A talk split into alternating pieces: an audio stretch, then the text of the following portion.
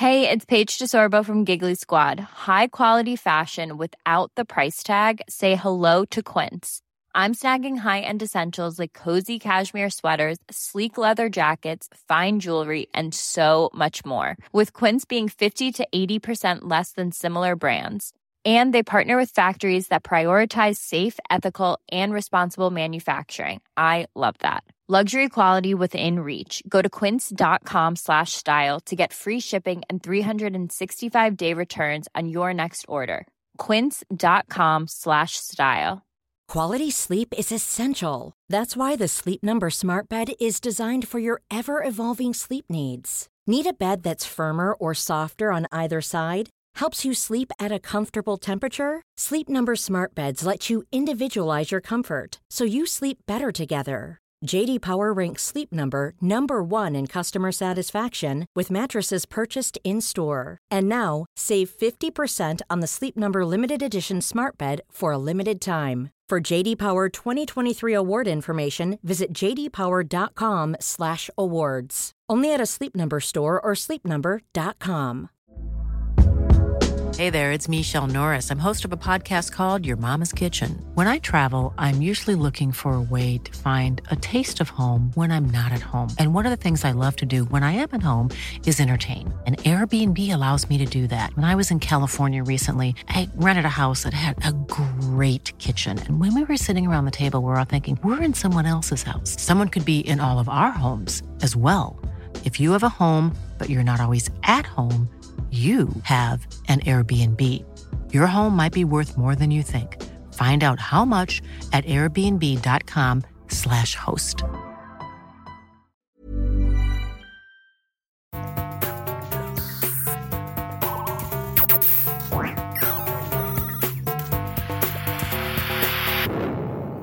Velkommen til Sinnsyn. Jeg heter Sondre Risom Livre, er psykolog, og dette er Webpsykologens podkast. Hverdagspsykologi for fagfolk og folk flest.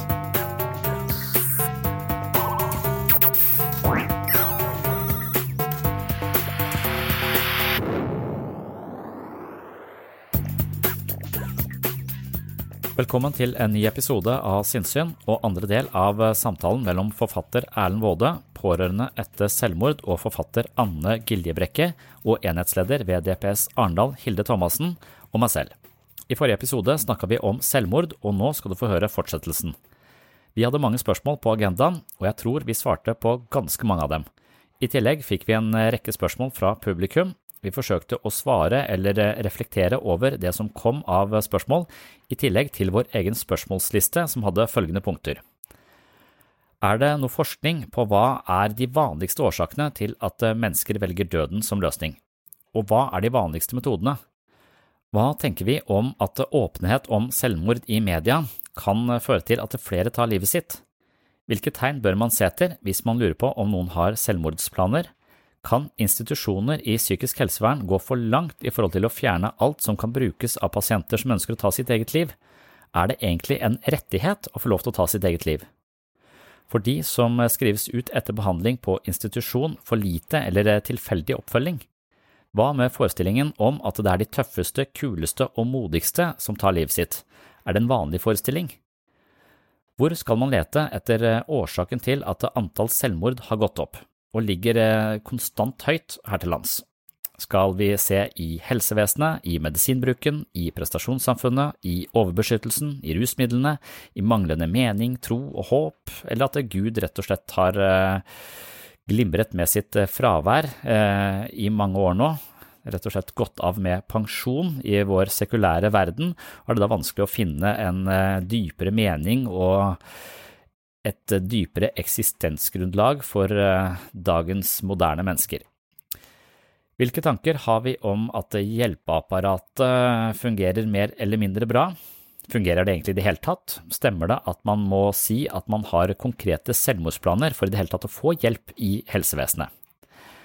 Som sagt forsøker vi å reflektere over så mange punkter som mulig, og nå skal du få være med til teatret i Kristiansand. Det er torsdag 15. oktober 2020, og klokka nærmer seg halv ni på kvelden.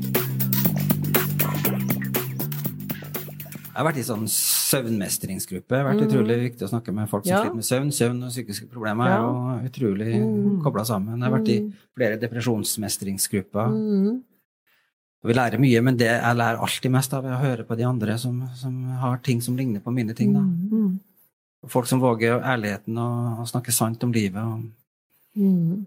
det Men det er jo interessant å finne ut av hva som hjelper. Jeg blir jo liksom litt, nå skal vi snakke om, eller Du sa jo litt fokus på unge menn, da, så bare så ikke jeg blir bare skal snakke om Thomas og de som er 20-25 år.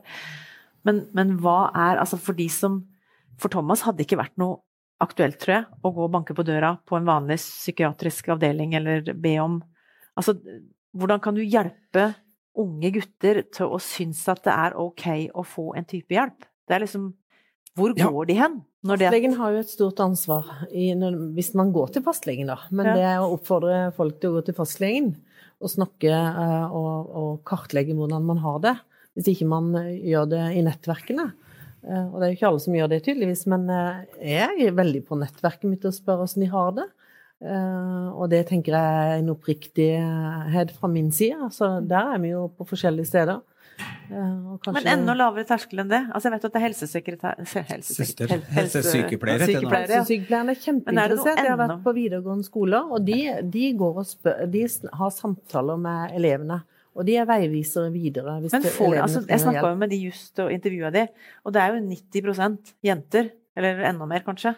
Så Det- ja. guttene går dit til Ja, det, det er et tema vi må snakke litt mer om, tror jeg, det med gutter og hvor Det er 70 som tar livet sitt, som, av dem som tar, greier å ta livet sitt, som er menn da, eller gutter. Mm. Hva er det som skjer? Og du snakker om at menn ikke at Det som er løsningen, er at menn må snakke mer om sitt indre liv, da. Men tid, tid må vi begynne med det, da. Altså, det kan jo ikke begynne når du er 27. Hvordan skal vi få gutta til å tørre å snakke om dette her, og ikke bare tenke i hvert fall De gutta jeg snakka med av kompisene til Thomas, snakker jo om at du vil ikke bry noen med disse tinga her. Det må du klare å ordne opp i sjøl. Er det mannsrollen eller gutterollen? ja, jeg tror det ligger hos meg, ligger det iallfall det der. Men jeg er gammel, da. Men altså, det å være tøff og tåle og tie og, og, og lide i stillhet og den der ikke gråtegreia som jeg har med meg, da. Men jeg føler det henger litt igjen fortsatt, da. At gutter eh, takler vonde ting og vanskelige ting, indre ting, på andre måter, da. Mm. Med å gjemme det vekk og håpe at det skal gå over, eller ikke snakke om det. For, det, for mange handler det om svakhet, og ikke vise svakhet. Jeg tror man tenker sånn, da. Men uh, Men i gruppene, er det, er det samme der? At det er vanskelig Er det, er det rene gutte, mannegrupper og er damegrupper? Nei, blanding. Det er jo mest uh, kvinner som søker hjelp uh, i psykisk helsevern. Så det, det er ikke så mange Det er jo en del menn òg, så noen grupper vi prøver å ha 50-50. Okay. For det, det er litt forskjellig mentalitet, kan man si, og vi trenger liksom litt begge, begge deler uh, av det. Så, men men, men det, hvor, hvor kan jeg um, finne, eh, finne hjelp? Er det sånn, sånn jeg, det jeg snakket om helt innledningsvis, dette med objektspill, at livet er fullt av sånne ting du skal, og du gjør det, og så gjør det, og så gjør det, og skal på BE, og så sånn, og så skal jeg Altså den der, det derre jaget etter noe som ikke er det jeg har nå, men noe som er bedre enn det jeg har nå. eh, det, det kaller man et objektspill, og det er bedre å spille. Men jeg tror når du spiller veldig masse objektspill, så til slutt så blir du så sliten, du blir utbrent, og da slutter du å spille de objektspillene, og så legger du deg rett ned, og så blir du apatisk og deprimert. Eh, Og du er nødt til i livet ditt å ha et metaspill, mm. altså et spill, et spill som lodder dybden ditt. Og jeg tror f.eks. menigheter kan ha det i gode bibelgrupper. Selv om jeg, jeg har vært en sånn hardcore ateist, men jeg har liksom prøvd å være i en menighet i fem eh, i, i en, en god stund for å, for å, for å prøve å uh, få bryna meg på argumentene jeg hadde mot det. Var det ditt et lite prosjekt, det? ja, det var mitt prosjekt. Men det, men det der å være i en det. ja, Å, det, også, det? det også være i en bibelgruppe, det er et sånt sted som stikker litt dypere. Mm. Hvis ikke det er sånn her, nå vi så mye, ikke sant? Hvis, hvis du har en litt romsligere eh, gruppe som har plass til litt, eh, litt mer, så mener jeg at det finnes noen sånne arenaer i livet som har dette, dette her. Men så tror vi ikke på Gud lenger, så vi har ikke de heller. Så jeg tror vi er litt åndelig fattige. Og spør hvor skal jeg gå hen for å få denne åndeligheten? Først gikk man kanskje i kirken. Hvor går du nå? Jeg tror ikke det er noe sted å gå. Du går på sånn pilatestrening på, på eh, Elexia, eller hva det heter for noe. Og det tror jeg ikke gir deg nødvendigvis det samme, men det begynner å komme inn mer og mer av det. Så jeg, jeg tror rett og slett at det, det, Jeg har dette fra en som heter Thomas Sass, som sier at det, objektspill det gjør, det gjør, deg utbrent. Et metaspill, du er nødt til å finne et meningsfullt livsspill for å leve et uh, godt liv. Og hvis samfunnet ikke tilbyr et meningsfullt livsspill for deg, så må du skape det sjøl. Og jeg tror det er, Hvis du klarer å skjønne at dette her er et escape room som blir bare mørkere og mørkere, jeg må finne noen andre løsninger jeg gidder ikke å være i psykisk helsevern, jeg gidder ikke å gå på Energiverket. jeg føler ikke, Så må man kanskje skape det sjøl. At det er vår uh, ja, at vi er, vi er, dømt til å skape mening i eget liv på en eller annen måte. Mm. Uh, og, og, det kanskje å bare skjønne det, uh, det vil kanskje være hjelp for mange. å si at fan, jeg må, For min del så vil det å gjøre psykologi si, litt, litt mer jordnært og litt mer avslappa ikke så profesjonelt. Mm. Jeg liker ikke profesjonaliteten alltid i helsevesenet. Jeg syns den stramler litt inn og gjør det litt klinisk, og så mister man et eller annet på, på, på veien der. Mm. Jeg syns det er interessant når du snakker om eh, bibelgrupper og menigheter, at du eh, finner ting der. Jeg har, jo gått på hundrevis av bibelgrupper og jobba i kirka. og ja hatt mye fint om det, men det, det er noe med fasitsvarene der, og å si de riktige ja, tingene, som, ja, ja. Jeg, som, Jeg, har slitt med lenge. Og, nå, er, nå, er, jeg med i sånn sjelegruppe, som vi kaller det, fire par, der vi forteller hverandre hva vi syns om hverandre, og vi mm. jobber med personligheten vår. og ja. Helt fritt i forhold til liksom, fasitsvar, da, dogmatikken. Ja. Altså, det ja. Men det er mange som finner mening i menigheter. Mange. Og mange kirkegjengere i dag òg. Ja da. Jeg sier ikke noe det, Selvfølgelig er det Men jeg, jeg gjør det fordi jeg var såpass trygg på meg selv. Når jeg var, hvis jeg hadde vært yngre, så hadde jeg ikke klart det. Men, for det er noe klamt der også. I, ofte, altså. Det, ja, det er mye erfaring på det òg, ja. At du må at det, si de riktige tingene? Må... Ja, at det er en sånn stilltiende justis på hva vi egentlig Og det å være så oppriktig som mulig, tørre å være så gjennomsiktig og oppriktig som mulig, det er på en måte et, i hvert fall et sånn mål i, i mye psykoterapi og selvutvikling. Mm. Mens det å være på et sånt, eh, sånt, sted som har noen sånne stilltiende føringer på hva som er og ikke er riktig osv., det, det det, en, eh, det, det, kan også gjøre vondt verre. Så du skal være forsiktig med hvilke bibelgrupper du, eh, du, går i. Ja, for meningen for meg har ikke vært i menighet. Jeg, har forsvunnet ut av det, men meningen for meg har vært å bruke livserfaringene mine i møte med andre mennesker. og Bruke den kompetansen. Etter hvert har jeg blitt mye mer kjent med meg sjøl. Jeg jobba med min barndom, hvem er jeg, hva er mine styrker og svakheter. Og så kan jeg bruke det i møte med andre, mm. og bidra som menneske og ikke ha fasitsvar. da. Tenkte at alle har vi jo en livserfaring, og, og Anne etterspurte din, eller nevnte din erfaringskompetanse, men kanskje vi òg som helsepersonell har erfaringskompetanse. Jeg har vært eh, lam i ansiktet mitt, og mm. da hadde jeg, det, jeg hadde tunge stunder, ja. virkelig, eh, og var langt nede. Ja. Eh, sånn at jeg tror man kan være hjelpere som har, eh, kan oppleve som man ikke har så mye levd liv, og så har man ganske mye levd liv. Eh, og har stått i vanskelige ting. Mm. Ja, vi trenger fellesskap der ikke mm. maska må være på, der det, det, er lov å si eh, feil ting og gale ting, eller protestere eller kritisere. Mm. Altså, det er et eller annet med de fellesskapene mm. som jeg syns ikke menighetene alltid er veldig gode på det. Nei, hvis vi skal snakke om menighetsfellesskapet. Så. Jeg er helt enig. ja. Men det er gode fellesskaper overalt. Jeg tenker ja, ja, ja. Man, man, eh, skaper jo fellesskap der man er mm. og, og, rundt seg. Uh, og kan gjøre det både i familie, man kan gjøre det i menighet, man kan gjøre det i frivillige organisasjoner, mental helse, mm. uh, jobben sin. Ja. Mm. Men kan dere være så personlige når dere er ute i feltet og Altså, jeg, du skal ikke være privat, du skal være personlig. ikke sant? I hvert fall det var sånn i min ja, Men du snakker jo mye om alt om livet mitt nødvendigvis, men, men, men jeg, jeg, føler at det å være en eh, forholdsvis gjennomsiktig person er egentlig ganske for, for du, du, du, slipper å drive med forskjellig bokholderi. Sånn er jeg der, og sånn er jeg der, og sånn er jeg der. Jeg er sånn som jeg er på, på de fleste arenaer. Og, og det, det, det, har jeg liksom sett på som et mål, for før så prøvde jeg å være noe annet enn det jeg var. Mm. Jeg prøvde å være kulere, jeg prøvde å være Jeg, jeg hadde mange det er vel det å være ungdom, ha disse maskene og prøve ut forskjellige masker og egentlig ikke vite hvem man er på, på innsiden. Etter hvert som du klarer å koble den du er utad, og den som du kjenner deg på, på innsiden, og få en eh, ikke helt tett forbindelse, men ganske tett forbindelse der, så, så er det ganske lett å være, uh, være, i verden. Og jeg tror du kan være ganske oppriktig da.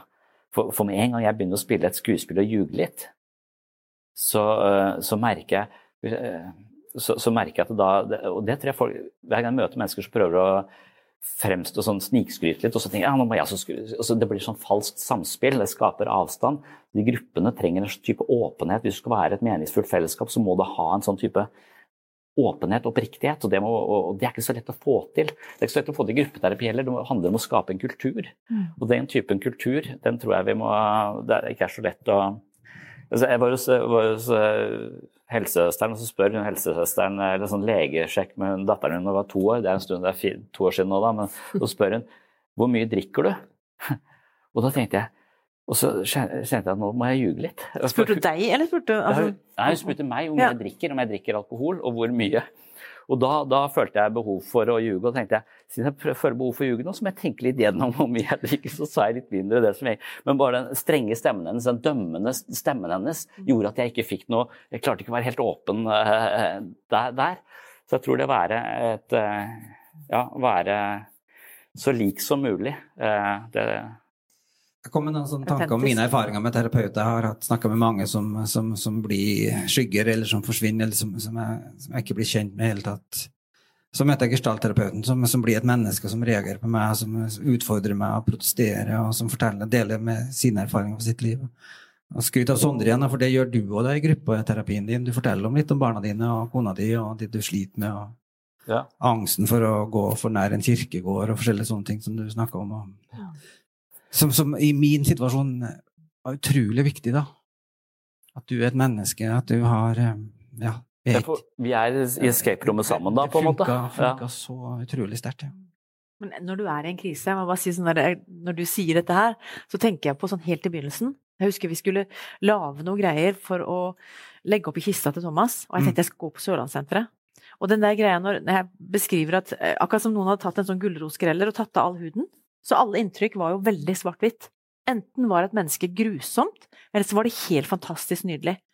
Så hvis noen var litt sur i kassa på Kiwi, så tenkte jeg åssen i huleste kan du være så ond, ikke sant? Mm.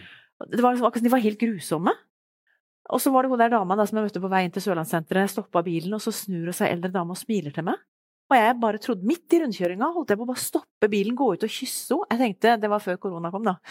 Uh, og jeg tenkte, Det er det vakreste mennesket jeg noen gang har møtt i hele mitt liv. Altså, alt blir Så jeg har tenkt litt på det i etterkant. Når du er i en sånn krise, mm. så blir det veldig svart-hvitt, og du jakter veldig på varme. Mm. Altså, jeg, jeg kjøpte kosesokker til alle kompisene hans og til alle vi som var der, for vi frøys og frøys og frøys. Det var så kaldt. Jeg trodde aldri jeg skulle få i meg varmen. Så det, det, er jo også blitt altså Nå er det halvannet år siden Thomas døde, og fremdeles så er jeg veldig sånn på at jeg holder meg unna hvis jeg opplever folk er litt sånn kalde som mennesker. Eller hvis de laver, faker ting. Mm. Jeg orker det ikke. Mens varme mennesker, uansett hvilken setting de kommer i eller alder de har, så, så, blir jeg veldig attrahert til det. For jeg kjenner at det er noe ekte her. Og jeg tror kanskje at ungdom er enda mer på jakt etter det enn oss. Fordi de sitter der og er vokst opp og født med mobil i hånda, hvor de skal sammenligne seg med alle disse her som er i i de sosiale mediene. Nå jobber jeg med det, så jeg skal ikke bare si negativt med det, da. Mm. Men poenget er at vi trenger å være varme som mennesker, om det er en, eh, på en avdeling, eller om det er i en gruppeterapi, eller bare når det er Ja, varme eller autentiske. Mm. Jeg tror nok kanskje Henger ikke det sammen, da? Ja, ja, jeg tror jeg ser ikke på meg selv som nødvendigvis veldig varm, men jeg prøver i hvert fall å være uh, så autentisk som mulig. For det tror jeg er, er det som For, for da Ja, du, jeg, jeg jeg ljuger jo ikke så mye som terapeut. Jeg sier ikke ting bare for høflighetens Du sa just at du ljugde når du sa det med alkoholen og sånn. Så du ljuger jo litt ennå, da. Jeg, jeg ljuger privat. Jeg ljuger mye mer privat enn jeg gjør eh, For av og til så sier jeg bare høflige ting for høflighetens skyld. Ikke sant? Eller, eller sier ting som jeg mener skal passe, eller eh, man ikke er helt oppriktig. Det må man jo til, til en viss grad, ikke sant? Eh, men, men det å være så, så autentisk som mulig. Men idet du får noen inn på kontoret som sier 'nå skal jeg ta livet mitt', så er den evnen til å være autentisk og, og sitte trygt på stolen sin, da skal du være ekstremt eh, Da skal du være et godt menneske, på en måte, eller et solid menneske som, har, som tør sterke, sterke følelser. Det, så en, en, god terapeut er ikke en som har huet fullt av teori. Eh, det er heller ikke en terapeut som har eh, PC-en full av prosedyrer det er den som orker å være eh, til stede i det mørke eh, escape-rommet uten å bli livredd og bare stikke, mm. eh, stikke av. Det, der tror jeg vi mister litt den evnen. Eh, vi blir falske. Vi, blir, vi, stiller alle de rette spørsmålene. Vi har fått beskjed om det og det. Så, og, og, Der har du en hel haug av spørsmål du skal stille. ikke sant? Du skal protokollføres, og, og da føler jeg vi blir eh, OK, du skal ta livet sitt. Da blir jeg en robot. Vent litt. Og så er jeg, for, for nå skal jeg bare gjøre alt det riktige. Å gjøre alt det riktige er ikke nødvendigvis så riktig. Uh, så det er også en sånn eh, Men det må jo være veldig tøft i jeg har med- hverdagen å, å være til stede for alle som kommer inn nå, da. Altså, jeg tenker det må være krevende. Ja, de tenker at, er- men jeg tenker at det er viktig da å ha gode, kvalifiserte eh, både miljøterapeuter og behandlere, spesialister, som kan gjøre de rette valgene og iverksette de rette behandlingstiltakene for å behandle depresjoner, for å behandle psykoser, for å behandle angstlidelser. Ja. Eh, Vi trenger fagfolkene, Mm, det gjør vi. ekspertene. Mm. Og det er, veldig, det er ikke vanskelig å komme inn. Det, man blir lagt inn akutt. Det legges veldig mange inn akutt i sykehuset, i psykiatrisk avdeling. Og det overflyttes til DPS-ene. Og det er veldig 80-85% av alle som søkes inn, får tilbud. De, elektivt, da. Mm. Som du sier vel, vi og noe om at det vi trenger, er ekte mennesker, ekte menneskemøter. Mm. Ikke først og fremst Ja. de riktige tingene eller fagprosedyrene eller sånt. Så det er min erfaring, i hvert fall, når jeg møter Ja, og jeg, Et jeg, menneske jeg har som- ingenting som, eh, imot eh, Eller jeg, jeg, synes at, jeg tenker at alle i sykehuset gjør så godt de kan eh, og gjør en kjempejobb, både individuelt og i gruppe. Men for min del, bare rent som personlig, så er jeg enig med deg. Det ville vært veldig tungt for meg hvis jeg bare hadde meg sjøl og den andre mennesket hele tiden. Men jeg sier ok, jeg skjønner hva du har, men bli med inn i det. Så, og så ser jeg at, eh, at Turid eh, klapper vedkommende på skuldra foran eh, kaffemaskinen før vi går inn i neste gruppe. ikke sant? Eller, eller bare, eh, bare de små tingene der sånn.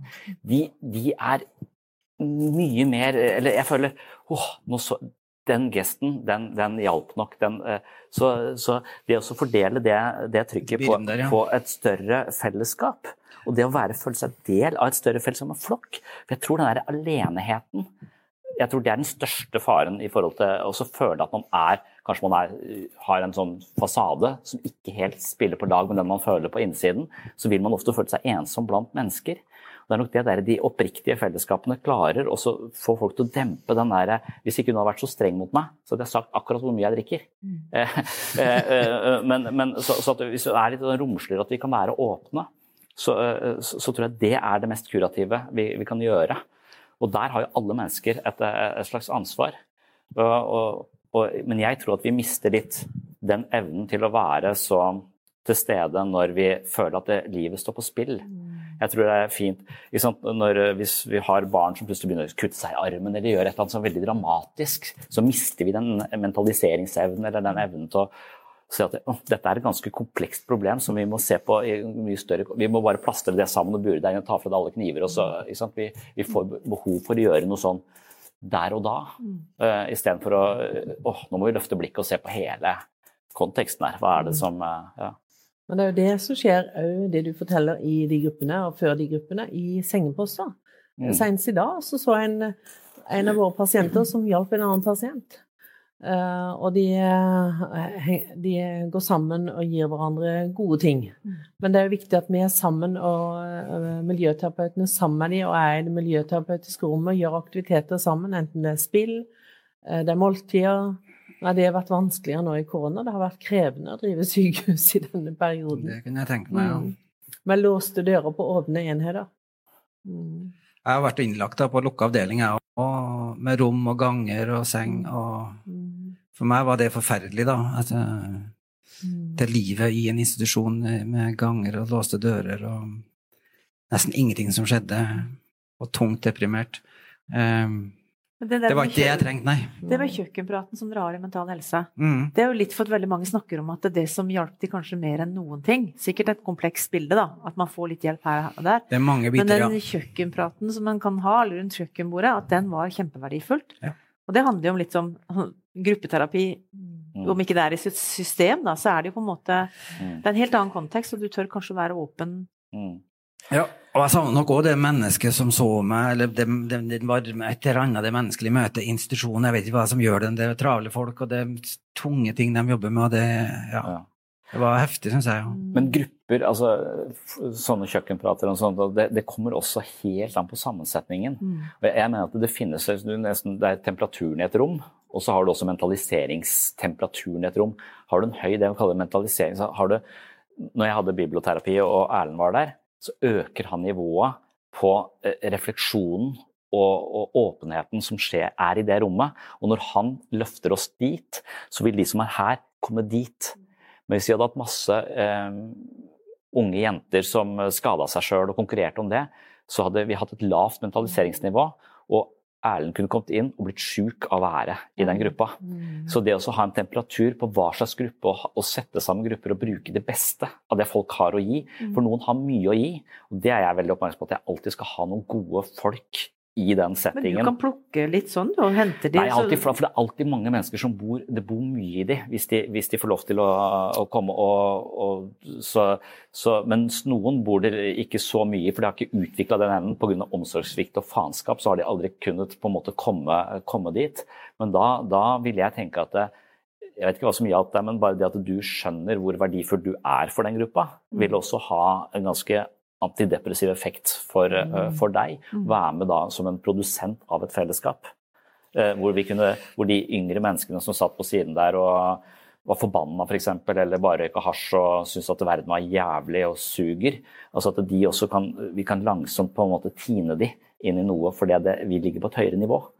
Så alle grupper er ikke gode grupper. Noen grupper er konkurrerende, og de er ikke meningssøkende, men de er, de er masse dritt Ja, i det. jeg har vært i grupper der det er om hvem som har det verst, og konkurrere om hvem som Ja, har den verste fortellingen. Altså, av sorggrupper og der Mm. folk Men er ikke det med lederskap òg, at du har en god leder? Veldig For det den- jeg liksom den når jeg gikk i en sånn gruppe engang. en gang. At det, hvis du har en ty- utydelig leder som bare lar noen ta hele arenaen, Ja. så går du ut og er helt utslitt ut av den gruppa. Ja, det, det, det er en form som virker, tror jeg, men det er en form som virker, kan virke veldig destruktivt. Og det, det, det, det er et sterkt virkemiddel, det som kan skje i gruppe. da. Mm. Men, eh, men jeg har lyst til, Vi skal ikke holde på så veldig mye lenger, men jeg har lyst til å høre litt hva dere tenker om medisinbruken. Du var litt inne på det i psykiatrien, når folk sliter. Ja, jeg har nå gode, to gode psykiatere som jeg jobber sammen med daglig, og jeg syns at de har et fint balansert forhold til å ha, snakke med pasienten om alternativene. Hvis de er dypt deprimerte og innlagt hos oss, så eh, man eh, skal jo ha samvalg sammen med pasienten. Man må fortelle hva, hva slags tilbud man har. Mm. Og så må pasientene ta en beslutning sammen med terapeuten sin om eh, de skal få medisiner eller ikke.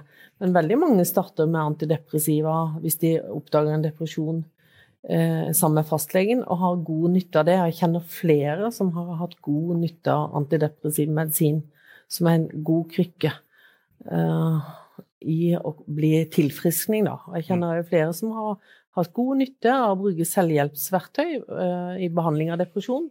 E-helseverktøy, som jeg har fortalt om. Uh, og jeg vet om folk som har fått god hjelp i grupper. Jeg har drevet grupper sjøl og kan fortelle om det. Mm. Så det, det og folk som går på KID-kurs. Jeg, tror vi må nyansere. Og, og Ja i de store, dy, de dypeste depresjonene så bruker vi jo ECT-behandling, elektrosjokk. Og det, Ja. det er jo omdiskutert, men det, jeg kjenner Ja. flere som har fått god hjelp av det. Jeg sitter her òg, da, som har et, Ja, elektrosjokkbehandling. Ja. -hmm. Men har jeg le- lest mer om det, Og det jeg vet nå, så er det ikke sikkert jeg gjorde, har ville gått med på det. For det finnes jo noen som opplever det negativt, og da, så det er en heftig behandlingsgreie. Men jeg har blitt veldig skeptisk og usikker på særlig antidepressiva av, av den behandlinga der, fordi at jeg har hatt så mye skade og bivirkninger. og og jeg snakker med så mange som, som du sier, at det er lita krykke, men det blir ei krykke som ikke folk klarer å slutte med, og som eh, Ja. Som svekkes effekten. Det virker en stund, og så sterkere medisiner, og så nye medisiner, og så, så Ja. Og det å ha en god psykiater da er jo viktig å diskutere det med hvis man skal tenke farmakologisk behandling. Eller en god allmennlege, en god fastlege som kan dette. Ja, det starta for meg at det var en lege som sa vær så god, og så ha det bra, og så var det mange, mange år med ny pille, mer pille, mer medisiner. Må ha tett oppfølging da av fastlegen. Ja. Jeg har også vært innlagt i tre måneder på Modum med, med uten medisiner. Da blir du tatt av alle medisiner. Ja. Og når du skal jobbe med seg sjøl, når du har kontakt med følelsene, når du ikke bruker medisiner For medisinene gjør at det er mye vanskeligere å, å jobbe med deg sjøl for de, de gjør noe med hele følelseslivet, ofte iallfall, som gjør at det er vanskelig å kjenne på det som er vondt. da. Det, hviler jo på en sånn medisinsk modell, øh, og det heter jo antidepressiva. Så, så hvis målet er at depresjon er noe som skal vekk for enhver pris, så, Mm. så kan du Men Men hvis depresjonen er et signal som du er nødt til å ta hensyn til og Mm. forstå, så, er det jo ikke noe, så, så vil du jo ikke lære noen som helst hvis du bare tar vekk eh, depresjonen. Eh, så, men, men som regel så er du kanskje såpass svart-hvitt eh, og langt nede i en depresjon at du har ikke muligheten til å lære noe som helst. Og da må du vel opp på et nivå hvor du faktisk kan lære noe. Men, og, da kan medisiner være en, en, en god ting. Og jeg har hatt, jeg har hatt også en del folk som har tatt eh, ECT-behandling. Det fascinerer meg. Altså, du får strøm i huet fire ganger, og så er du lykkelig. Mm. Og så bare Å, dæven! Hva skjedde nå? Eh, og, men, men da er også da, da har jeg i etterkant sett at ok, før dette her så var du oppe på natta, røyka hasj og spiste smågodt. Det var det du levde av. Og så sov du på dagen og alle andre var ute. Nå, eh, og da var du dypt deprimert og ville ta livet ditt. Nå har du fått ST-behandling, og du er ikke lenger deprimert i det hele tatt. Men fortsatt så er du oppe på natta, røyker hasj og spiser smågodt, bare at du er lykkelig. Tror du ikke det er noe med den der måten å leve på som til slutt fører deg dit igjen? Altså, ja, Man kan ikke bare ta ST på nytt, da. Så, jo, du kan sikkert det, men skal vi ikke prøve å finne en eller annen måte hvor du kan bære livet ditt på en litt annen eh, variant enn det du hadde før denne? Så, så hvis ST fungerer, så må det være uhyre viktig å finne ut av hvordan i helsike hva er de tusen faktorene som førte meg dit, og hva kan jeg gjøre annerledes? For toppen av idioti er jo jeg tror Einstein, å tro at man skal oppnå et annet resultat og gjøre akkurat det samme. Så man er jo hele tiden nødt Man må kanskje trene. Man Mer av det samme, mer av det samme, tror jeg at det løser Ja. Men for meg var det jo jobb, jobbe Det er jo noen ting som er veldig viktige, og det er jo søvn og aktivitet og tilstrekkelig hvile. Ja eh, kosthold det er noen sånn grunnelementer i helsa vår. og- veldig, når man blir deprimert, da, så glipper noen av de tinga Mm. veldig ofte. Ja. Og så går man nesten inn i en spiral, og det er noe med å få hjelp til å stoppe denne spiralen. Men hvis man kommer så langt ned, så kan det jo være at man trenger profesjonell psykiatrisk, medisinsk hjelp for å komme opp. Og det tenker jeg at vi må snakke litt om, eller de må snakke om de nivåene her, og de ulike tilbudene som fins. Mm. For det fins alltid hjelp å få. Det er mitt budskap. Det Mm. fins alltid hjelp å få. Det tror jeg òg. Men Mm. eh, det er noen ganger eh, lang vei da, til å finne den rette og til å få svar og få den hjelpa du føler du f trenger. da. Ring legevakta, ring fastlegen, ring ja. psykisk helse i kommunen. Mm. Eh, det er budskapet. Absolutt. Men også ta imot den hjelpen. For at det, og det er vel det jeg syns er, eh, er litt problematisk. At veldig mange vegrer seg for å gjøre det man sier du er nødt til å gjøre for å komme ut av det mørket her.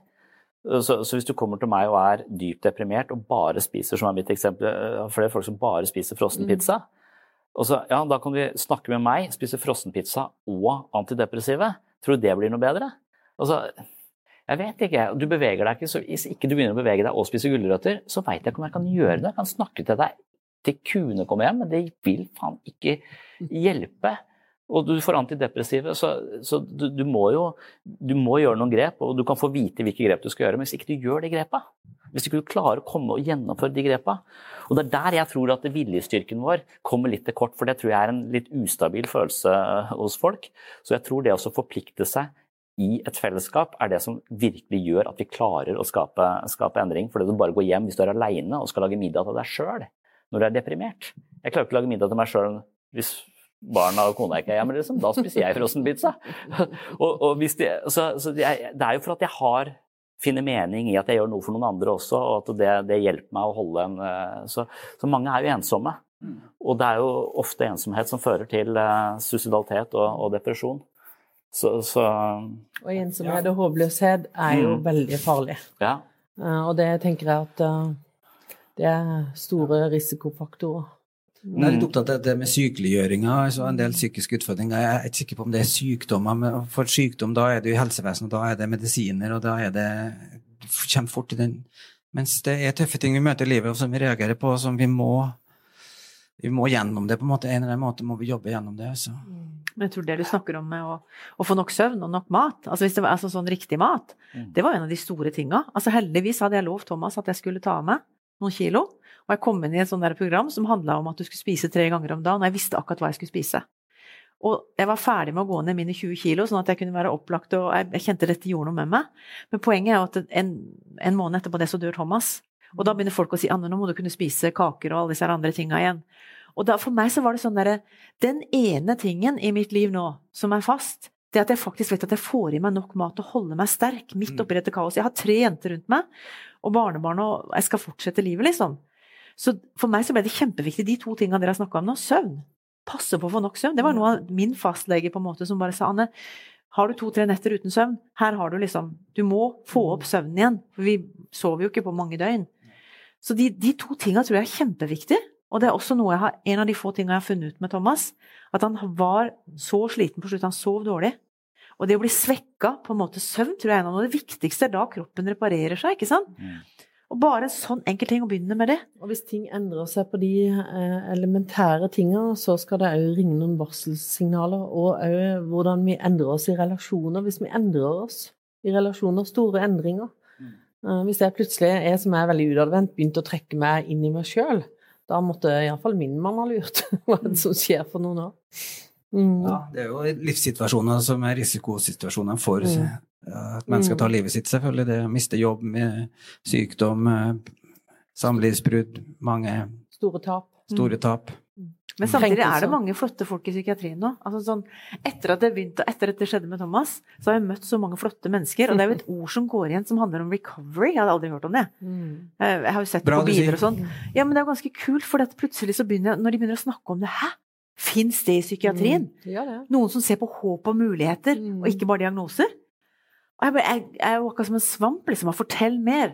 Er dette rundt omkring? Er det noe vi kan gjøre mer på ja, og den trenden som blir mer og mer tilrettelagt for nå å bruke folk som har hatt psykiske utfordringer inn i helsevesenet. Så mm. erfaringskonsulenter, likepersoner, det kalles for litt forskjellige ting. Eller bruke våre egne erfaringer inn i det. Ja, det er det samme, men jeg har mm. veldig tro på dem, eh, mm. den kompetansen jeg har, da, eller andre som har eh, snakka og jobba Kanskje litt mer enn andre med dype ja. psykiske problemer. Da. Jeg har hatt en ansatt som har vært erfaringskonsulent. Ja. Og det har vært uh, spennende. Mm. Mm, hun utfordrer spesialistene daglig og legene i forhold til både medisinering og valg som ble gjort i forhold til behandlingen, og hva sa de behandlingsmøtene sammen med oss. Det var spennende. Ja, og jeg hører at de møter motstand, at det er vanskelig å få gehør og bli hørt og tatt på alvor. Og det er mange fortellinger rundt det mm. når folk, vanlige folk, såkalt vanlige folk med erfaringskompetanse skal møte ekspertene. da.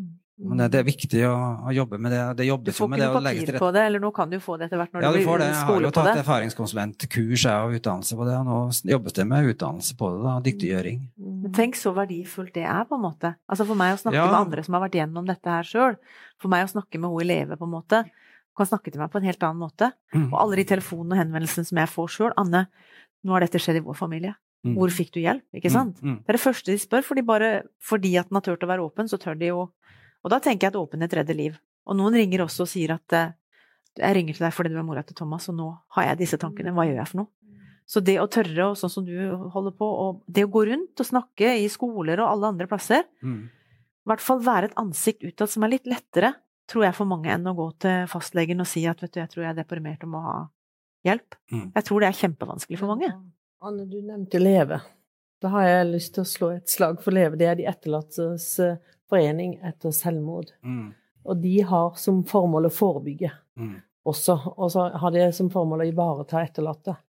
Og um, det er Agder-lag og det er uh, De får midler over statsbudsjettet. Og de uh, utdanner likemenn.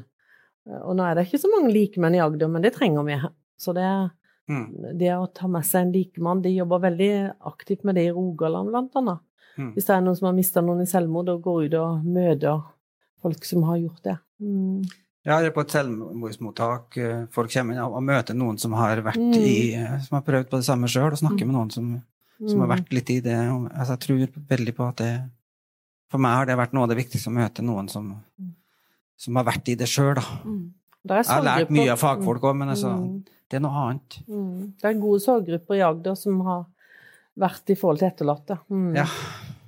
Vi, vi, skal runde av samtalen nå. Vi skal legge ut litt musikk. Eh, dere som ikke hører på, kan fortsatt sende inn spørsmål. Hvis dere ser den, eh, de, de telefonnumrene der, så kan dere det. Vi tar som sagt en liten pause, og så kan dere høre litt på musikk. Og så skal vi se litt på spørsmålene, og så ser vi hvor mange spørsmål vi har fått, og så bruker vi litt tid på spørsmål nå etter musikken. Mm. A lot can happen in three years, like a chatbot may be your new best friend. But what won't change? Needing health insurance. United Healthcare Tri Term Medical Plans, underwritten by Golden Rule Insurance Company, offer flexible, budget friendly coverage that lasts nearly three years in some states. Learn more at uh1.com. Quality sleep is essential. That's why the Sleep Number Smart Bed is designed for your ever evolving sleep needs. Need a bed that's firmer or softer on either side? Helps you sleep at a comfortable temperature? Sleep Number Smart Beds let you individualize your comfort so you sleep better together. JD Power ranks Sleep Number number 1 in customer satisfaction with mattresses purchased in-store. And now, save 50% on the Sleep Number limited edition Smart Bed for a limited time. For JD Power 2023 award information, visit jdpower.com/awards. Only at a Sleep Number store or sleepnumber.com. Hey, it's Ryan Reynolds, and I'm here with Keith, co star of my upcoming film, If, only in theaters, May 17th. Do you want to tell people the big news? All right, I'll do it. Sign up now and you'll get unlimited for $15 a month and six months of Paramount Plus Essential Plan on us. Mintmobile.com slash switch. Upfront payment of $45 equivalent to $15 per month. Unlimited over 40 gigabytes per month. Face lower speeds. Videos at 480p. Active Mint customers by 531.24 get six months of Paramount Plus Essential Plan. Auto renews after six months. Offer ends May 31st, 2024. Separate Paramount Plus registration required. Terms and conditions apply if rated PG. Ok. Da er vi tilbake igjen og sett på spørsmålene vi har fått inn. Ikke så mange. Det er en to-tre spørsmål. Vi er ikke sikre på om vi har veldig gode svar på dem, men vi prøver. Ser, jeg spør, og så får dere kommentere, svare. Kan dere nevne noen lavterskeltilbud som ligger utenfor det offentlige? Her nevnes det SMSO, som ikke jeg vet hva er. Atrop, vet heller ikke hva jeg er. Blå Kors. Driver i hvert fall veldig mye bra forebyggende samtale og ulike grupper her i byen, vet jeg. Det er bl.a. sånne chattetelefoner for ungdom. Det her har Blå Kors et tilbud. Eh, og så er det òg eh, andre chattetilbud som ikke jeg helt har oversikt over her. Så finnes det Kirkens SOS hjelpetelefon. Mm. Eh, lavterskeltilbud i og mental helse. Mm. Eh, lavterskeltilbud i Røde Kors. Mm. Det er noe som heter Kors på halsen. De tror jeg er en sånn hjelpetelefon. Mm. Eh, og ikke minst det der med lavterskeltilbud med å ha, være i et fellesskap, i et av de fellesskapene, Mental Helse eller Røde Kors f.eks. da. Mm. Både for pårørende og for uh, folk som sliter med ulike psykiske utfordringer. Mm. De har jo pårørendegrupper også, som de har startet, nettopp starta inn i Lillesand, blant annet. Ja. Ja. Mental helse. Og SMSO, det er vel eh, Støttesenteret mot incest og overgrep. Mm. Takk. Ja. Og Og der er det lavterskeltilbud. har vi jo lagt ut hjelpetelefonen til mental helse og chattetjenesten til mental helse. Og der er det òg en pårørendetelefon, vet jeg. Ja, og kommunene har jo lavterskeltilbud. Mm. Mm. Altså ta kontakt. Jeg, jeg Hvem tar du kontakt med da i kommunen? Ja, f.eks. i Arendal er det Arendalshjelpa. I Kristiansand er det noe som heter Rask psykisk helse. Der er det skjema man finner på, inter, på nettet til kommunen. I Lillesand er det et eget telefonnummer som ligger ute. Mm. Mm. Det er jo enhet for rus og psykiatri. Der kunne du bare fylle ut et skjema, eller du kan ringe en telefon. Mm. Og så er det ikke gjennom fastlege engang, du kan bare gå rett inn. Og så er det den fantastiske familiesenteret, altså. Jeg har just intervjua henne sjøl, og jeg er bare så rørt, for det var der jeg fikk hjelp til slutt. For heldigvis hadde jeg en datter som var under 18 år, så da fikk jeg lov å komme inn der og prate, og det er helt eh, fantastisk. Men jeg, jeg leita jo ganske lenge, da. Så sjøl meg som har utdannelsen og alt mulig sånn, så er det jo noe med at eh, vi må litt rundt, og vi må snakke sånn som vi gjør nå. Eller altså om det er webpsykologen eller dette, altså alle de plassene vi er, hvor vi forteller om hvor tilbudene fins. For det er forferdelig vanskelig å få en liste med telefonnummer og si du må bare ringe hvis det er nå. Det funker ikke, altså. Helsesøstre, prester, diakoner. Det er veldig mange som er beredt på å snakke og ta imot, og det er lavterskeltilbud. Men jeg er veldig på at det trengs praktisk hjelp. Ja. Og jeg har bare lyst, kan jeg si det ett ord om den der koordinatoren som jeg vil ha på plass? Jeg vil ha én person når det skjer et selvmord. Mm. Hvis det skjer et selvmord i en familie, Mm. så skal de ikke begynne å tenke på at ja, du er i den kommunen og du får det tilbudet. Det er så vilkårlig hva slags tilbud man får i de forskjellige kommunene. For noen er kjempeflinke, og andre har lite erfaring med det. Så jeg vil ha tak i én koordinator som passer på den familien, og som er praktisk, og som sier jeg hører at sønnen din sliter, nå har jeg fått ordna en time der. Og dette tilbudet fins, nå har jeg tatt en telefon for deg. For det er forferdelig vanskelig for en familie å sitte og ta ansvar for å skulle drive og ringe rundt eller skrive skjemaer når du er i en sånn krise. De har et tilbud, og, og det er ikke alle som du sier, Anne, men, men eh, kriseteam i kommunene har den rollen. Men vi var i fire-fem forskjellige Mm, kommuner. vet vet Så vi måtte liksom forholde oss til en haug med Og de orka ikke alle de folka. Vi ville bare ha den bitte lille Ja, klanen, vi. mm, skjønner det. Så hvis vi hadde hatt én person som vi kunne invitert inn i familien, som Ja. kunne ordna det Kan du fikse det? Er den. Jeg opplever også at kriseteam, det, det sies at hvis du trenger det, så ta kontakt. Altså, jeg tenker at det er viktig at det kommer som en selvfølge, da. Men Ja, ser jeg har altså, at mest mye, de oppsøker. De er veldig flinke, også. Ja, ja, Mm. ja da. Men jeg har lyst til å si det. Vi, jo- jeg jobber på ungdomsskolen på, på Nådeland. Mm. Og vi har en psykisk uke hver høst. Vi har nettopp hatt det nå. Mm. Der det kommer folk, eh, ungdommer som forteller om livet sitt og blitt mobba på skolen. Og vi deler ut brosjyrer med alle ungdommer får, eh, hvilke hjelpetelefoner, hvilke ting som finnes. Og, Så kult. så alle får uh, vite hva som finnes. Og, hjelp. og folk deler av sitt liv, forskjellige utfordringer. Ja, det er bra. Så det Ja. Det, for meg er det viktig, og jeg syns det er spennende å være med i den sammenhengen. der.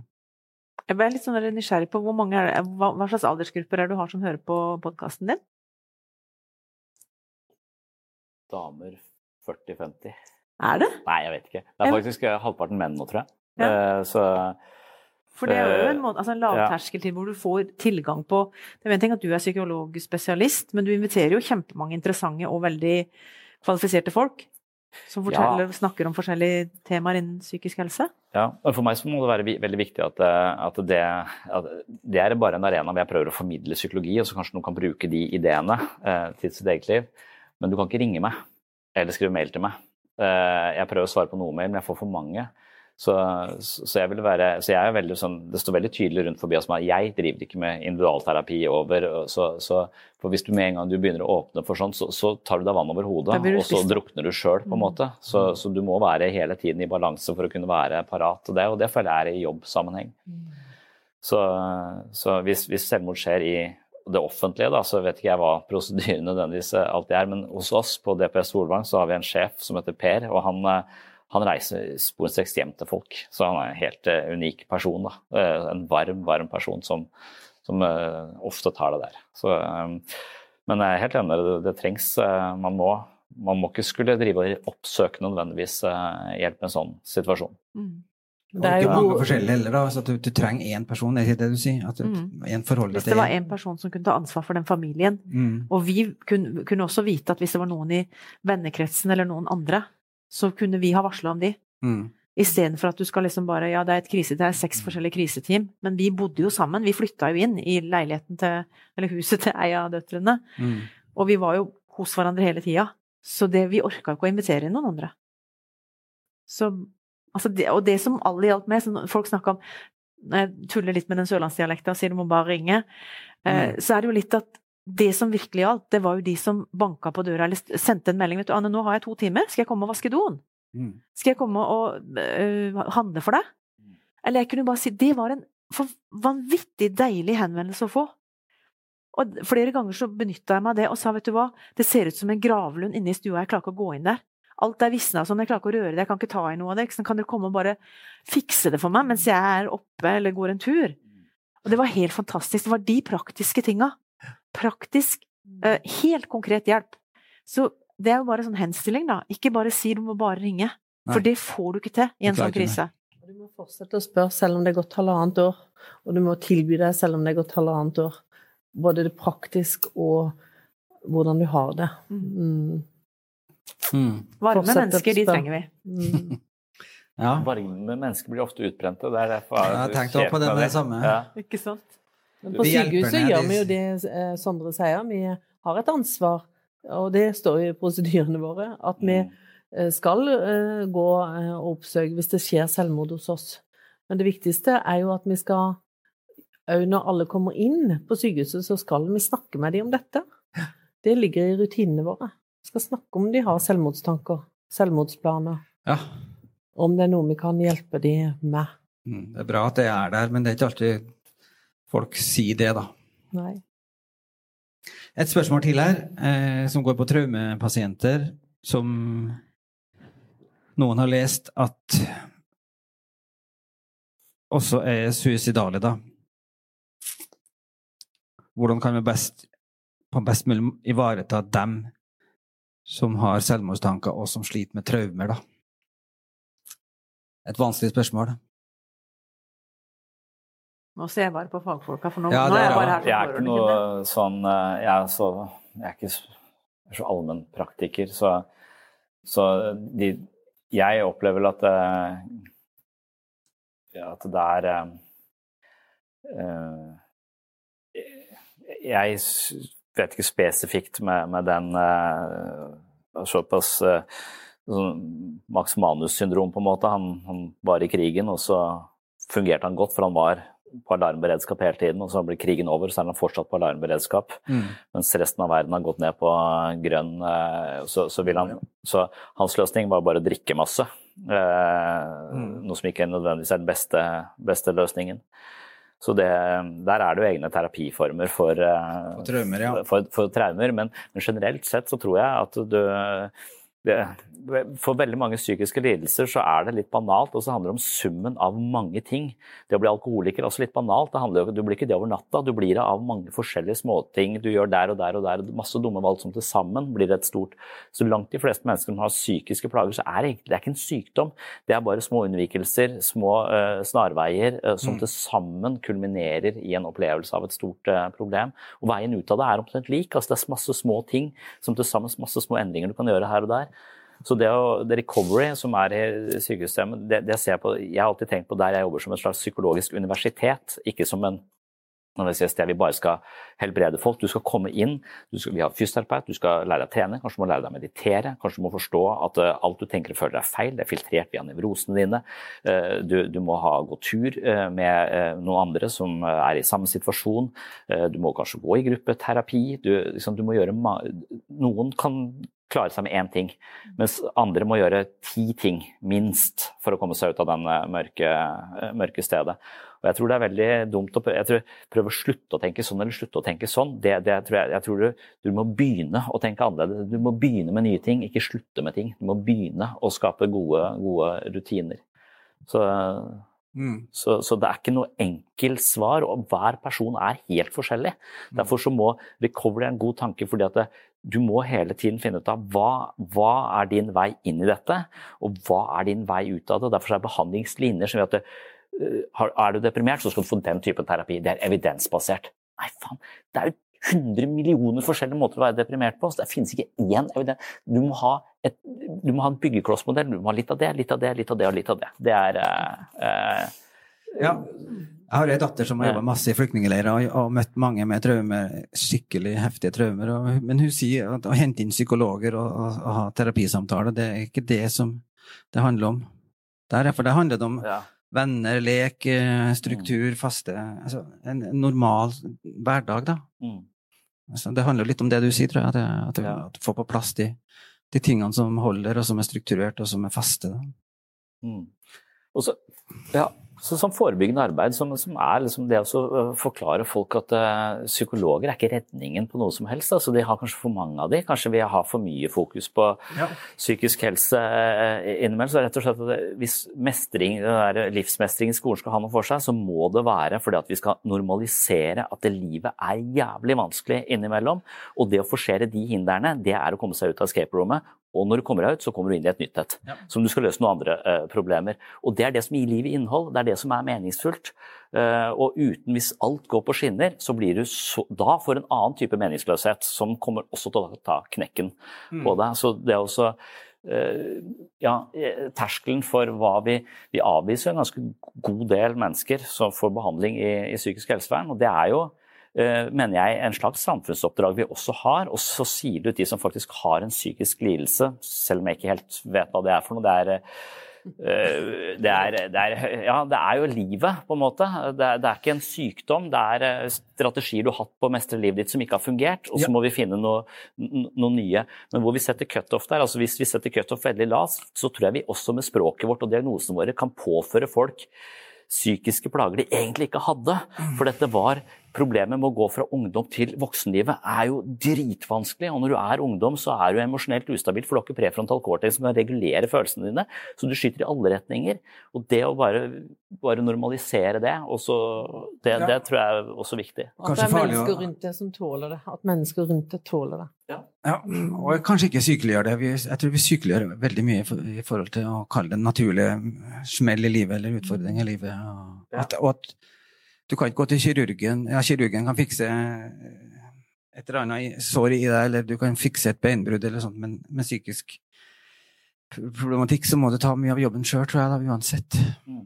Men det er jo spennende hvem det er som lager den der grensa. Dette er normalen. Mm. Og hvis du kryper bitte litt forbi her, så er du plutselig sjuk. Ja. Og hvordan ser den ut, liksom? Hele begrepet der med sykdom er Ja. Det er bare å ja. Jeg tenkte jeg skulle si Det at er en egen livesending på bare det. Hva jeg, er synes, normalt? jeg slår et eh, slag eh, for boka til Anne. Noen finner jo veldig mening og veien òg i å skrive. Og det, Anne, du har jo skrevet en veldig fin bok. eh, Å miste en sønn i selvmord. 'Gutten som alltid smilte'. Mm. Et veldig fint bilde av du og Thomas på baksidene. Noen ble veldig provosert av det. Ja. Men det går ikke an å smile når vi snakker om selvmord. Men det var det eneste bildet jeg hadde. Jeg hadde ingen bilder uten at han smilte. Nei. Og så er det andre òg som har skrevet. Eh, Han eh, eh, Ola Gunnar Ballo har skrevet om Kaja, dattera han mista i selvmord. Mm. Og Solveig Bøhler har skrevet ville døden sterkere enn livet'. Så det er mange som finner mening og trøst å lese. lese. Og òg Ja, lese om andres fortelling og lese om andres eh, mm, erfaringer, da. mm, høre andres fortellinger. Det har vi jo fått gjort her i dag. Det er jo sterkt å høre. Vi din får noen flere spørsmål. Jeg skal bare ta, vi, vi må prøve å runde etter hvert, men det er, altså det er en som spør om hvordan skal vi unngå skam når vi er Mm. ferdig med behandling, og likevel finner ut at vi trenger ny behandling. Mm. Folk føler seg pressa til å bli ferdig med behandlinga. Mm. Det er fortelling om at folk blir skrevet ut for tidlig, og som begår selvmord når de kommer ut igjen, og presses ut av behandling av institusjon. Unngå skam er vanskelig, tror jeg. Mm. Dette er jo skambelagt, og det er det oss som kan være med å rive ned de Ja. uh, murene. Og si at vi har, alle har en psykisk helse, alle har vi eh, livet. Og Mm. det å søke hjelp er ikke noe skambelagt. Det, er- vi ønsker jo det. Vi ønsker å vise tilbudene våre og tjenestene. Det er jo litt det du sier, at at det har blitt sånn at livet er noe som skal fikses. og Jeg reagerer litt på livsmestringsfaget i ungdomsskolen. At livet er noe som skal mestres. da. Noe skal fikse, noen skal klare. Det er sikkert det er det livet handler om. altså. Ikke for meg, i hvert fall. Det skal kjennes og det erfares og læres av det, men Jeg har ikke skrevet en bok om, eh, om bivirkninger av terapi, på en måte, eller kan terapi være skadelig? Har du ikke gjort det? Nei, jeg har ikke gjort det. Nei. Eh, Men det er en veldig Nå husker jeg ikke akkurat i farta hva han heter, stå det stille for meg, men det er flere som har skrevet det. Og det, det er en interessant, eh, eh, en interessant betraktning på det. Og, og, og det å hjelpe folk er sketchy. eh, For at du, du kan risikere å være en slags sånn menneskelig sobril som bare demper andres eh, følelser, og, gjør, og, og, og du kanskje tenner litt på det fordi jeg blir veldig viktig for denne personen, så du får noe ut av det. Så, så, så hjelp er jo å gjøre mennesker autonome, bry seg. Men liksom, så det handler om å støtte, og, og, og, men det handler også om å utfordre og gjøre de kapable til å håndtere tilværelsen sin på egen hånd. Men jeg tror nok veldig mye misforstått hjelp gis, i den grad at vi, vi bare prøver å støtte og være noe som er trygt og godt for dem, og så, og så blir de mer eller mindre avhengige av det. Og det tror jeg kanskje er den største faren ved terapi. At du får en form for terapi som gjør deg avhengig av et annet menneske. Og det mennesket kan ikke ha deg for alltid, for det har andre på lista, så må det skrives ut, og så, og så blir det brudd i eh, så, så hjelp er eh, Gå Det er- permanent med gips på begge beina, liksom? Ja. Eh, hjelpe andre er vanskelig, da. Det er veldig vanskelig. Uh, Og, og det å hjelpe til avhengighet er i hvert fall eh, en eh, fare. For mange som ønsker andre så vel. Og som jeg mener har en type misforstått empati. Da. Det er skrevet 'Against Empathy'. Eh, Paul Bloom, en veldig kjent psykolog, har skrevet om, om eh, at han sier eh, 'against empathy'. Hele tittelen er jo uh, provoserende.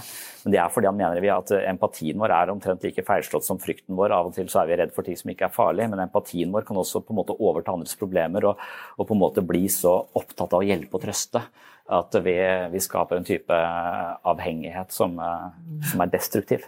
Terapeuten kan òg bli opptatt av å være flink og lykkes og få Ja, Altså, Ja, ha et ego som trenger den eh, Ja, jeg, jeg trenger at du, eh, At du blir- får det bedre at for du at ja. ja. at du trenger meg, eller altså, ja. Ja.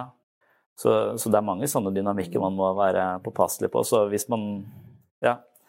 Det kommer et spørsmål til som jeg tror vi må ta, som er, som er litt vesentlig, som er litt vanskelig, synes jeg, da, men det er litt langt, men jeg skal lese det. Hei. Det sies at selvmord er en egoistisk handling, og jeg har all respekt for de etterlatte. Men hvis et menneske f.eks. har en kronisk sykdom eller andre krevende forhold på livstid, så mener jeg at det er hver enkelt som vet om man har livskvalitet nok, og vet om det gir mening å leve videre. Jeg vil si at dersom selvmord er en egoistisk handling, så er det også egoistisk av de pårørende å kreve at vedkommende skal leve kun for ikke å såre de rundt. Det er mange aspek aspekter i dette. Det er vi selv som eier livet vårt. Vi var vel litt inne på det på forhånd, altså At det er et valg. Den som snakker om å ta livet sitt, å si det at det er ditt valg, det, det er et valg du har, altså Det er, sånn, det er, det er et vanskelig spørsmål, og jeg skjønner at folk tenker at eh, vi skal ikke såre noen og si det. liksom sånn. Men altså, Thomas valgte jo den uh, ordlyden sjøl. At jeg vet at dette er noe av det mest egoistiske jeg kan gjøre. Og likevel Og så er det det. samtidig noen som har fortalt meg at eh, Thomas var jo absolutt det motsatte av egoist. Han levde hele livet sitt på en måte for å passe på andre og bry seg om andre. Kanskje dette var den eneste gangen han ordentlig tenkte på seg sjøl. Mm. Og det har vært, jeg har måttet gått mange runder for å tørre å tenke disse her litt sånn skumle tankene på hvor, hvor vondt hadde han egentlig? Mm. Hvor mørkt var det? Altså du som har opplevd det på kroppen så Det går ikke an å ta en lett greie og bare si Nei, men du kan ikke ha det sånn, nå må du skynde deg, eller plastre Ja, opp eh, kuttinga. For det må fine. være helt fullstendig forferdelig svart. Ja. Altså at man må ha forståelse for den enorme smerten som mange er i. Terapeuten sa til meg du må finne tre ting å takke for hver dag. Jeg fant ingen, altså. Men det at Enn jeg har tusen. Altså, Du, du er Ja. Da må noen klare å være der sammen med deg i det mørket. ja hvis du Eh. vil invitere noen inn, er det ikke sikkert du vil ikke Nei. klare det. Mm. Men øh, Det er jo den, en, den det å være valg. der og tåle det mm. Men samtidig syns jeg det er veldig kult at du sitter her i dag.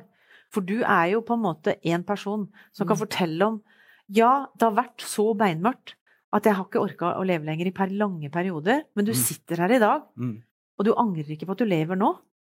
Og det er jo litt det som gjør at vi sitter og jobber med dette her, fordi at det, i hvert fall som Sondre har snakka om, at det er jo noe med Det er ikke bare å plastre på disse tinga, det er jo å finne andre løsninger, andre nøkler, verktøy til å Ja. kanskje få åpna opp eh, Jeg var så sikker på at ting ikke kunne snu. Altså, I månedsvis, årevis, og så snur det likevel, da. Mm. I forhold til escape room-metaforen, så, så må man si at Premisset der er at det finnes tilstander som aldri kan uh, forbedres. Mm. Uh, og det mener jeg i utgangspunktet ikke nødvendigvis er helt sant. Altså Smerte f.eks. er også en Det må også fortolkes. Mm. Så, så smerte er også en opplevelse vi har som fortolkes på ulike måter. Akkurat som eh, tilbakemeldinger fra folk fortolkes på ulike måter. Vi kan ta det som kritikk, vi kan ta det som eh, liksom, det, så, så måten vi fortolker smerten på, vil også påvirke hvordan vi opplever hele smerten. Så, så det at uh, ting er statisk, det vil jeg, kunne, det vil jeg mene at man kan argumentere imot. Jeg vil ta det vil, Jeg tenker at det Jeg vil i hvert fall leve ut ifra at det aldri er en, eh, en løsning. Jeg mener jo at man at langt de fleste handler om en eller annen form for depresjon og psykisk lidelse som har ført deg inn i en type fundamentalisme overfor deg selv. Altså, jeg mener Det finnes mange fundamentalister som mener ting om den ytre verden. Og jeg syns nesten det er lettere å forandre dems mening. Eller jeg opplever at det er lettere at folk forandrer eh, noen, noen går fra Arbeiderpartiet til Senterpartiet. Og, eh, men, Det har vi jeg hørt om, i hvert fall, ja. ja, det har vi hørt om. Eh, Men, men på innsida så, så er det vanskeligere. Vi er enda mer fastlåst i ideene våre. Det er sånn, så det er enda vanskeligere å endre, endre synspunkt. Men det er det vi må. Og hvis du gjør det med strøm, så er det greit. Hvis du gjør det med nye ideer, hvis du gjør det med å bokse folk i nyrene, eller hva, hva du gjør for noe, så, så tror jeg det finnes eh, Du har ikke sett alle mulige løsninger. For, for det, det, du er alltid låst i pers et perspektiv. Så dermed så, er, så kan man argumentere for at det ikke er, eh, er riktig. Og jeg vil også kunne argumentere for at det Det er et moralsk dilemma, det der. Eh, For eh, hvis du er en kjendis og tar livet ditt, så vet du, eller så vet man Da er det mange som eh, kan bli Flere. veldig inspirert av det. Så på sett og vis er det også et indirekte drap, da. Mm. å ta sitt eget liv, fordi du, du vil også påvirke andre. Gjør det lettere for andre, ja. Ja, det, men det gjelder kjendiser. Så de har kanskje et spesielt ansvar. Jeg vet ikke, men det, det, det er ikke men, men det er jo Men når jeg snakker med folk som, som tenker på å ta livet sitt, så, så, så, holder jeg fast på at det er et valg du har. Da. Det, det, det, det er ditt valg. Det er, du kan alltid klare det hvis du virkelig vil det. Altså, det er et eller annet Men det argumenterer å argumentere for at det er sykdom, og at det kan behandles. Alltid sykdom. Jeg, Jeg vil vil ikke kalle det argumentere for sykdom, at det men jeg er vil, jeg vil sykdom, kalle at man er eh, syk når man er, har de så sterke tanker at eh, man tenker at døden er eh, en løsning, Løsning. så fins det behandling, og det er viktig å oppsøke hjelp. Og hvis ikke du oppsøker hjelp, så vil jeg hjelpe deg til å oppsøke hjelp. Ja da. Jeg kjenner jo samfunnet i USA, i byer i USA der det er veldig høy selvmordsrase, selvmordsrase fordi at det er ingen jobbmuligheter, det er ingen karrieremuligheter, det er ingen framtid, det er ingen håp. Det, I samfunnet er sånn. Mm. Altså, at, dermed, at de dermed er syke, eller flyktningleirer òg, der alt er håpløst. Men spørsmålet var jo litt sånn hvis du er veldig kronisk syk, enten fysisk Ja, det eller var- psykisk. Men jeg syns jo at det som jeg har fått mest tilbakemeldinger om, disse unge mennene som tar livet sitt, de er vellykka. De er happy, de har tingene på stell. Det er ikke kroniske sykdommer sånn som du kan Ja, selvfølgelig, det ligger jo et mørke der. Ja. Men, men eh, noen av de flotteste menneskene som jeg møter, noen av de varmeste og som har mest å gi, er jo folk som har hatt det helt forferdelig opp igjennom. Men de har klart å finne disse nøklene til å klare å eh, glede seg til dagen. Kanskje det må være med å gi til andre. Det å være med å bruke den gjørma. Det er noe som sier 'turn your mess into your message'. ikke sant? Ta alt det der vonde, og så gjør det til noe som er positivt. da. Mm. Som gir mening oppi alt men meningsløse. Det er noe som veldig aktiv dødshjelp er jo også en, en vanskelig Ja, nå må vi sitte halvannen time Ja, til vi skal inn på det? Ja, er jo litt av samme. Ja, jeg, bruker det- jeg bruker det bildet med, med, med kompost og altså søppel og dritt og møkk som kan forandre seg. Hvis det får lufting og litt lys og litt varme og litt tid, så kan faktisk dritten bli til vakre blomster. Og det kan snus. Alt kan snus, da. Jeg trodde jo at, at livet mitt var ødelagt, at det var mislykka, at alt var bortkasta. Depresjon føles ut som da er alt eh, kasta bort. Og det, Altså, kan likevel er det- Mm. Ja, men det, det kan også snus som en erfaring, da. Mm. Mørke i livet, motstand i livet, det kan Mm. faktisk eh, bli en erfaring som kan snus til noe. Hvis man er 75 full av gikt og har dritvondt hver dag og har lyst til å reise til Nederland for å drikke champagne og dø på en verdig måte, Ja. er det innafor? Jeg tror ikke vi skal inn på den eh, aktiv dødshjelp. For jeg lurer på, Har de da tenkt på heroin? Hva, det, man, det er helt fantastisk å leve til ti år på heroin. og ligge og, og Det kunne vært eh, et alternativ. Jeg ser klokka har plassert ni. Jeg tror vi skal gå inn for landing likevel. At eh, vi har snakka lenge, og hvis noen har orka å høre på oss hele denne kvelden, så jeg er imponert. Selv om jeg syns vi har hatt en veldig meningsfull og fin samtale. Har du lyst til å si noe sånn kort til slutt om eh, Jeg har lyst til å si iallfall sjøl at, at det vi gjør, at vi snakker mer om det, at vi setter ord på det, at vi Ja, bare det å snakke om det. At det er vanskelig å snakke om, men det, og det er ingen fasitsvar, det er ingen enkle løsninger. Men det er håp, og det ting kan snu. Og, men det, det må løftes opp, det må, vi må våge å gå inn i det som er vondt og vanskelig. Da. Det er min. Og at en slipper å kanskje tenke at en alltid har fasiten. Jeg syns det er spennende når Sondre hiver ut sånne her greier. For at jeg tenker Jeg trenger ikke å vite hva det er for noe, men det får meg til å tenke litt. Mm. Og når det var spørsmål om sånn lavterskeltilbud i stad, så har jeg gått på noe som heter CR, med Celebrate Recovery. Mm. Og der sitter du i en gruppe hvor ingen får lov til å delta. Altså Hvis du sitter og forteller storyen din, skal vi bare lytte. Og det er så deilig. Mm. Jeg skal ikke finne løsninger. Det er ikke escape room. Jeg skal bare være en plass hvor noen forteller storyen sin. Mm. Og det er jo litt sånn at den kan være i settinger hvor For jeg har, jeg har tusen spørsmål, men jeg jakter ikke alltid på fasitsvarene. Jeg jakter på varmen, at det er noen som er der. Og så kan jeg sjøl kanskje høre min egen stemme si ting, og så kan jeg korrigere meg sjøl. Eller altså så Ja, høre andres Mer- fortellinger og la det få lov til å være. Så kan du plukke opp det og, og tolke det sånn som du vil. mm. Vil du si noe til slutt? Jeg har lyst til å si at det var flott å få være med, og at eh, de- hvis noen hører på som har det vanskelig, så Mm. må de ringe til hjelpetelefonene, og de må oppsøke primærlegen sin eller legevakta eller ta imot hjelp, for det finnes hjelp å få. Det er mange alternativer. Det er ikke bare et sted man kan få hjelp. Nei, eller snakk med mammaen sin eller læreren sin eller Mm. uh, søstera si eller altså Det som eh, Det stedet har, har den relasjonen, da. Ja. Sondre? Ja, jeg sitter og tenker på noe som jeg ikke bør si, så det eh, Så Nei, eh, jeg tror det er, det, er så, det er så komplekst, det er så stort. Men, mm. men de som er ført inn i dette via en type depresjon og mangler perspektiver, som er i et helt sånn mørkt rom og har gitt opp sånn som jeg gjør i Escape Room, det her får jeg ikke til, så, eh, så, så tror jeg man alltid skal huske på at man eh, at ting vil alltid komme til å forandre seg, og, og plutselig så kommer du på noe som, eh, som, som er en eller annen vei ut. Og hvis du ikke gjør det altså, jeg, må si, jeg har hatt pasienter som har sagt at jeg er så kjørt fast i dette eh, perspektivet, men jeg har hørt at mikrodosering av eh, psykedeliske stoffer åpner hodet mitt på en eller annen måte. Det, det skal jeg prøve før jeg dør. Siste, Siste- siste, siste, utvei.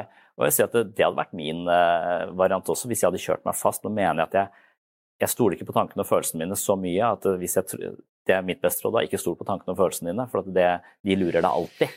Eh, så vær alltid litt kritisk til det, og undersøk det alltid en gang til, og se om de ikke stemmer, stemmer helt. Men Ja. hvis du virkelig tror at eh, tanken 'jeg er verdiløs', og folk får det bedre uten meg, for det er den tanken som er så fundamental og, og, og, hvis Og sann, er- ja. Det, det ja, sann for den personen, så, så, så hadde jeg prøvd sopp før jeg hadde Eller bare husk at det er ting som kan åpne dette her. Mm. Terapeuter kan prøve å sparke deg, andre mennesker kan prøve å få deg ut av det. Du, varme hjelper, forståelse eh, Det er tusen ting som kan få deg ut eh, derfra. Mm. Men, eh, og det er såpass mange ting, og du har garantert ikke prøvd alt. Du har garantert ikke prøvd alt. Hvis ikke, Nei. Ja. Jeg sier til folk, jeg òg, Erlend, jeg begynner å komme bort i depresjonstankene, nå tuller du igjen, det er ikke sant, de tankene du har. Altså, eller jeg har jo Mm. vært manisk òg, da, og det, det er nesten enda verre. Men, men det er jo Jeg er ikke verdensmester, jeg kan ikke alt. Jeg klarer meg ikke Jeg klarer ikke alt. Altså, Mm. Nå er du på Det å vite om at tankene kan være feil og lure deg, Mm. er viktig, ja. Og det finnes en vei ut. Mm. En eller annen. Takk skal dere ha. Takk skal du ha. Takk skal du ha. Det var eh, andre og siste del av vår eh, samtale om selvmord på teatret i Kristiansand. Takk til eh, Mental Helse, takk til Erlend Waade, som sto i spissen for denne samtalen, og takk til de andre paneldeltakerne for viktige refleksjoner rundt en alvorlig tematikk.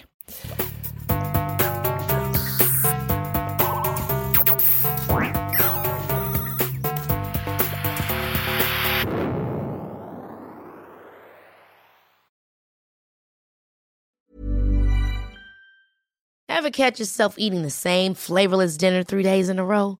Dreaming of something better? Well, HelloFresh is your guilt-free dream come true, baby. It's me, Kiki Palmer. Let's wake up those taste buds with hot, juicy pecan-crusted chicken or garlic butter shrimp scampi. Mm. Hello Fresh. Stop dreaming of all the delicious possibilities and dig in at HelloFresh.com.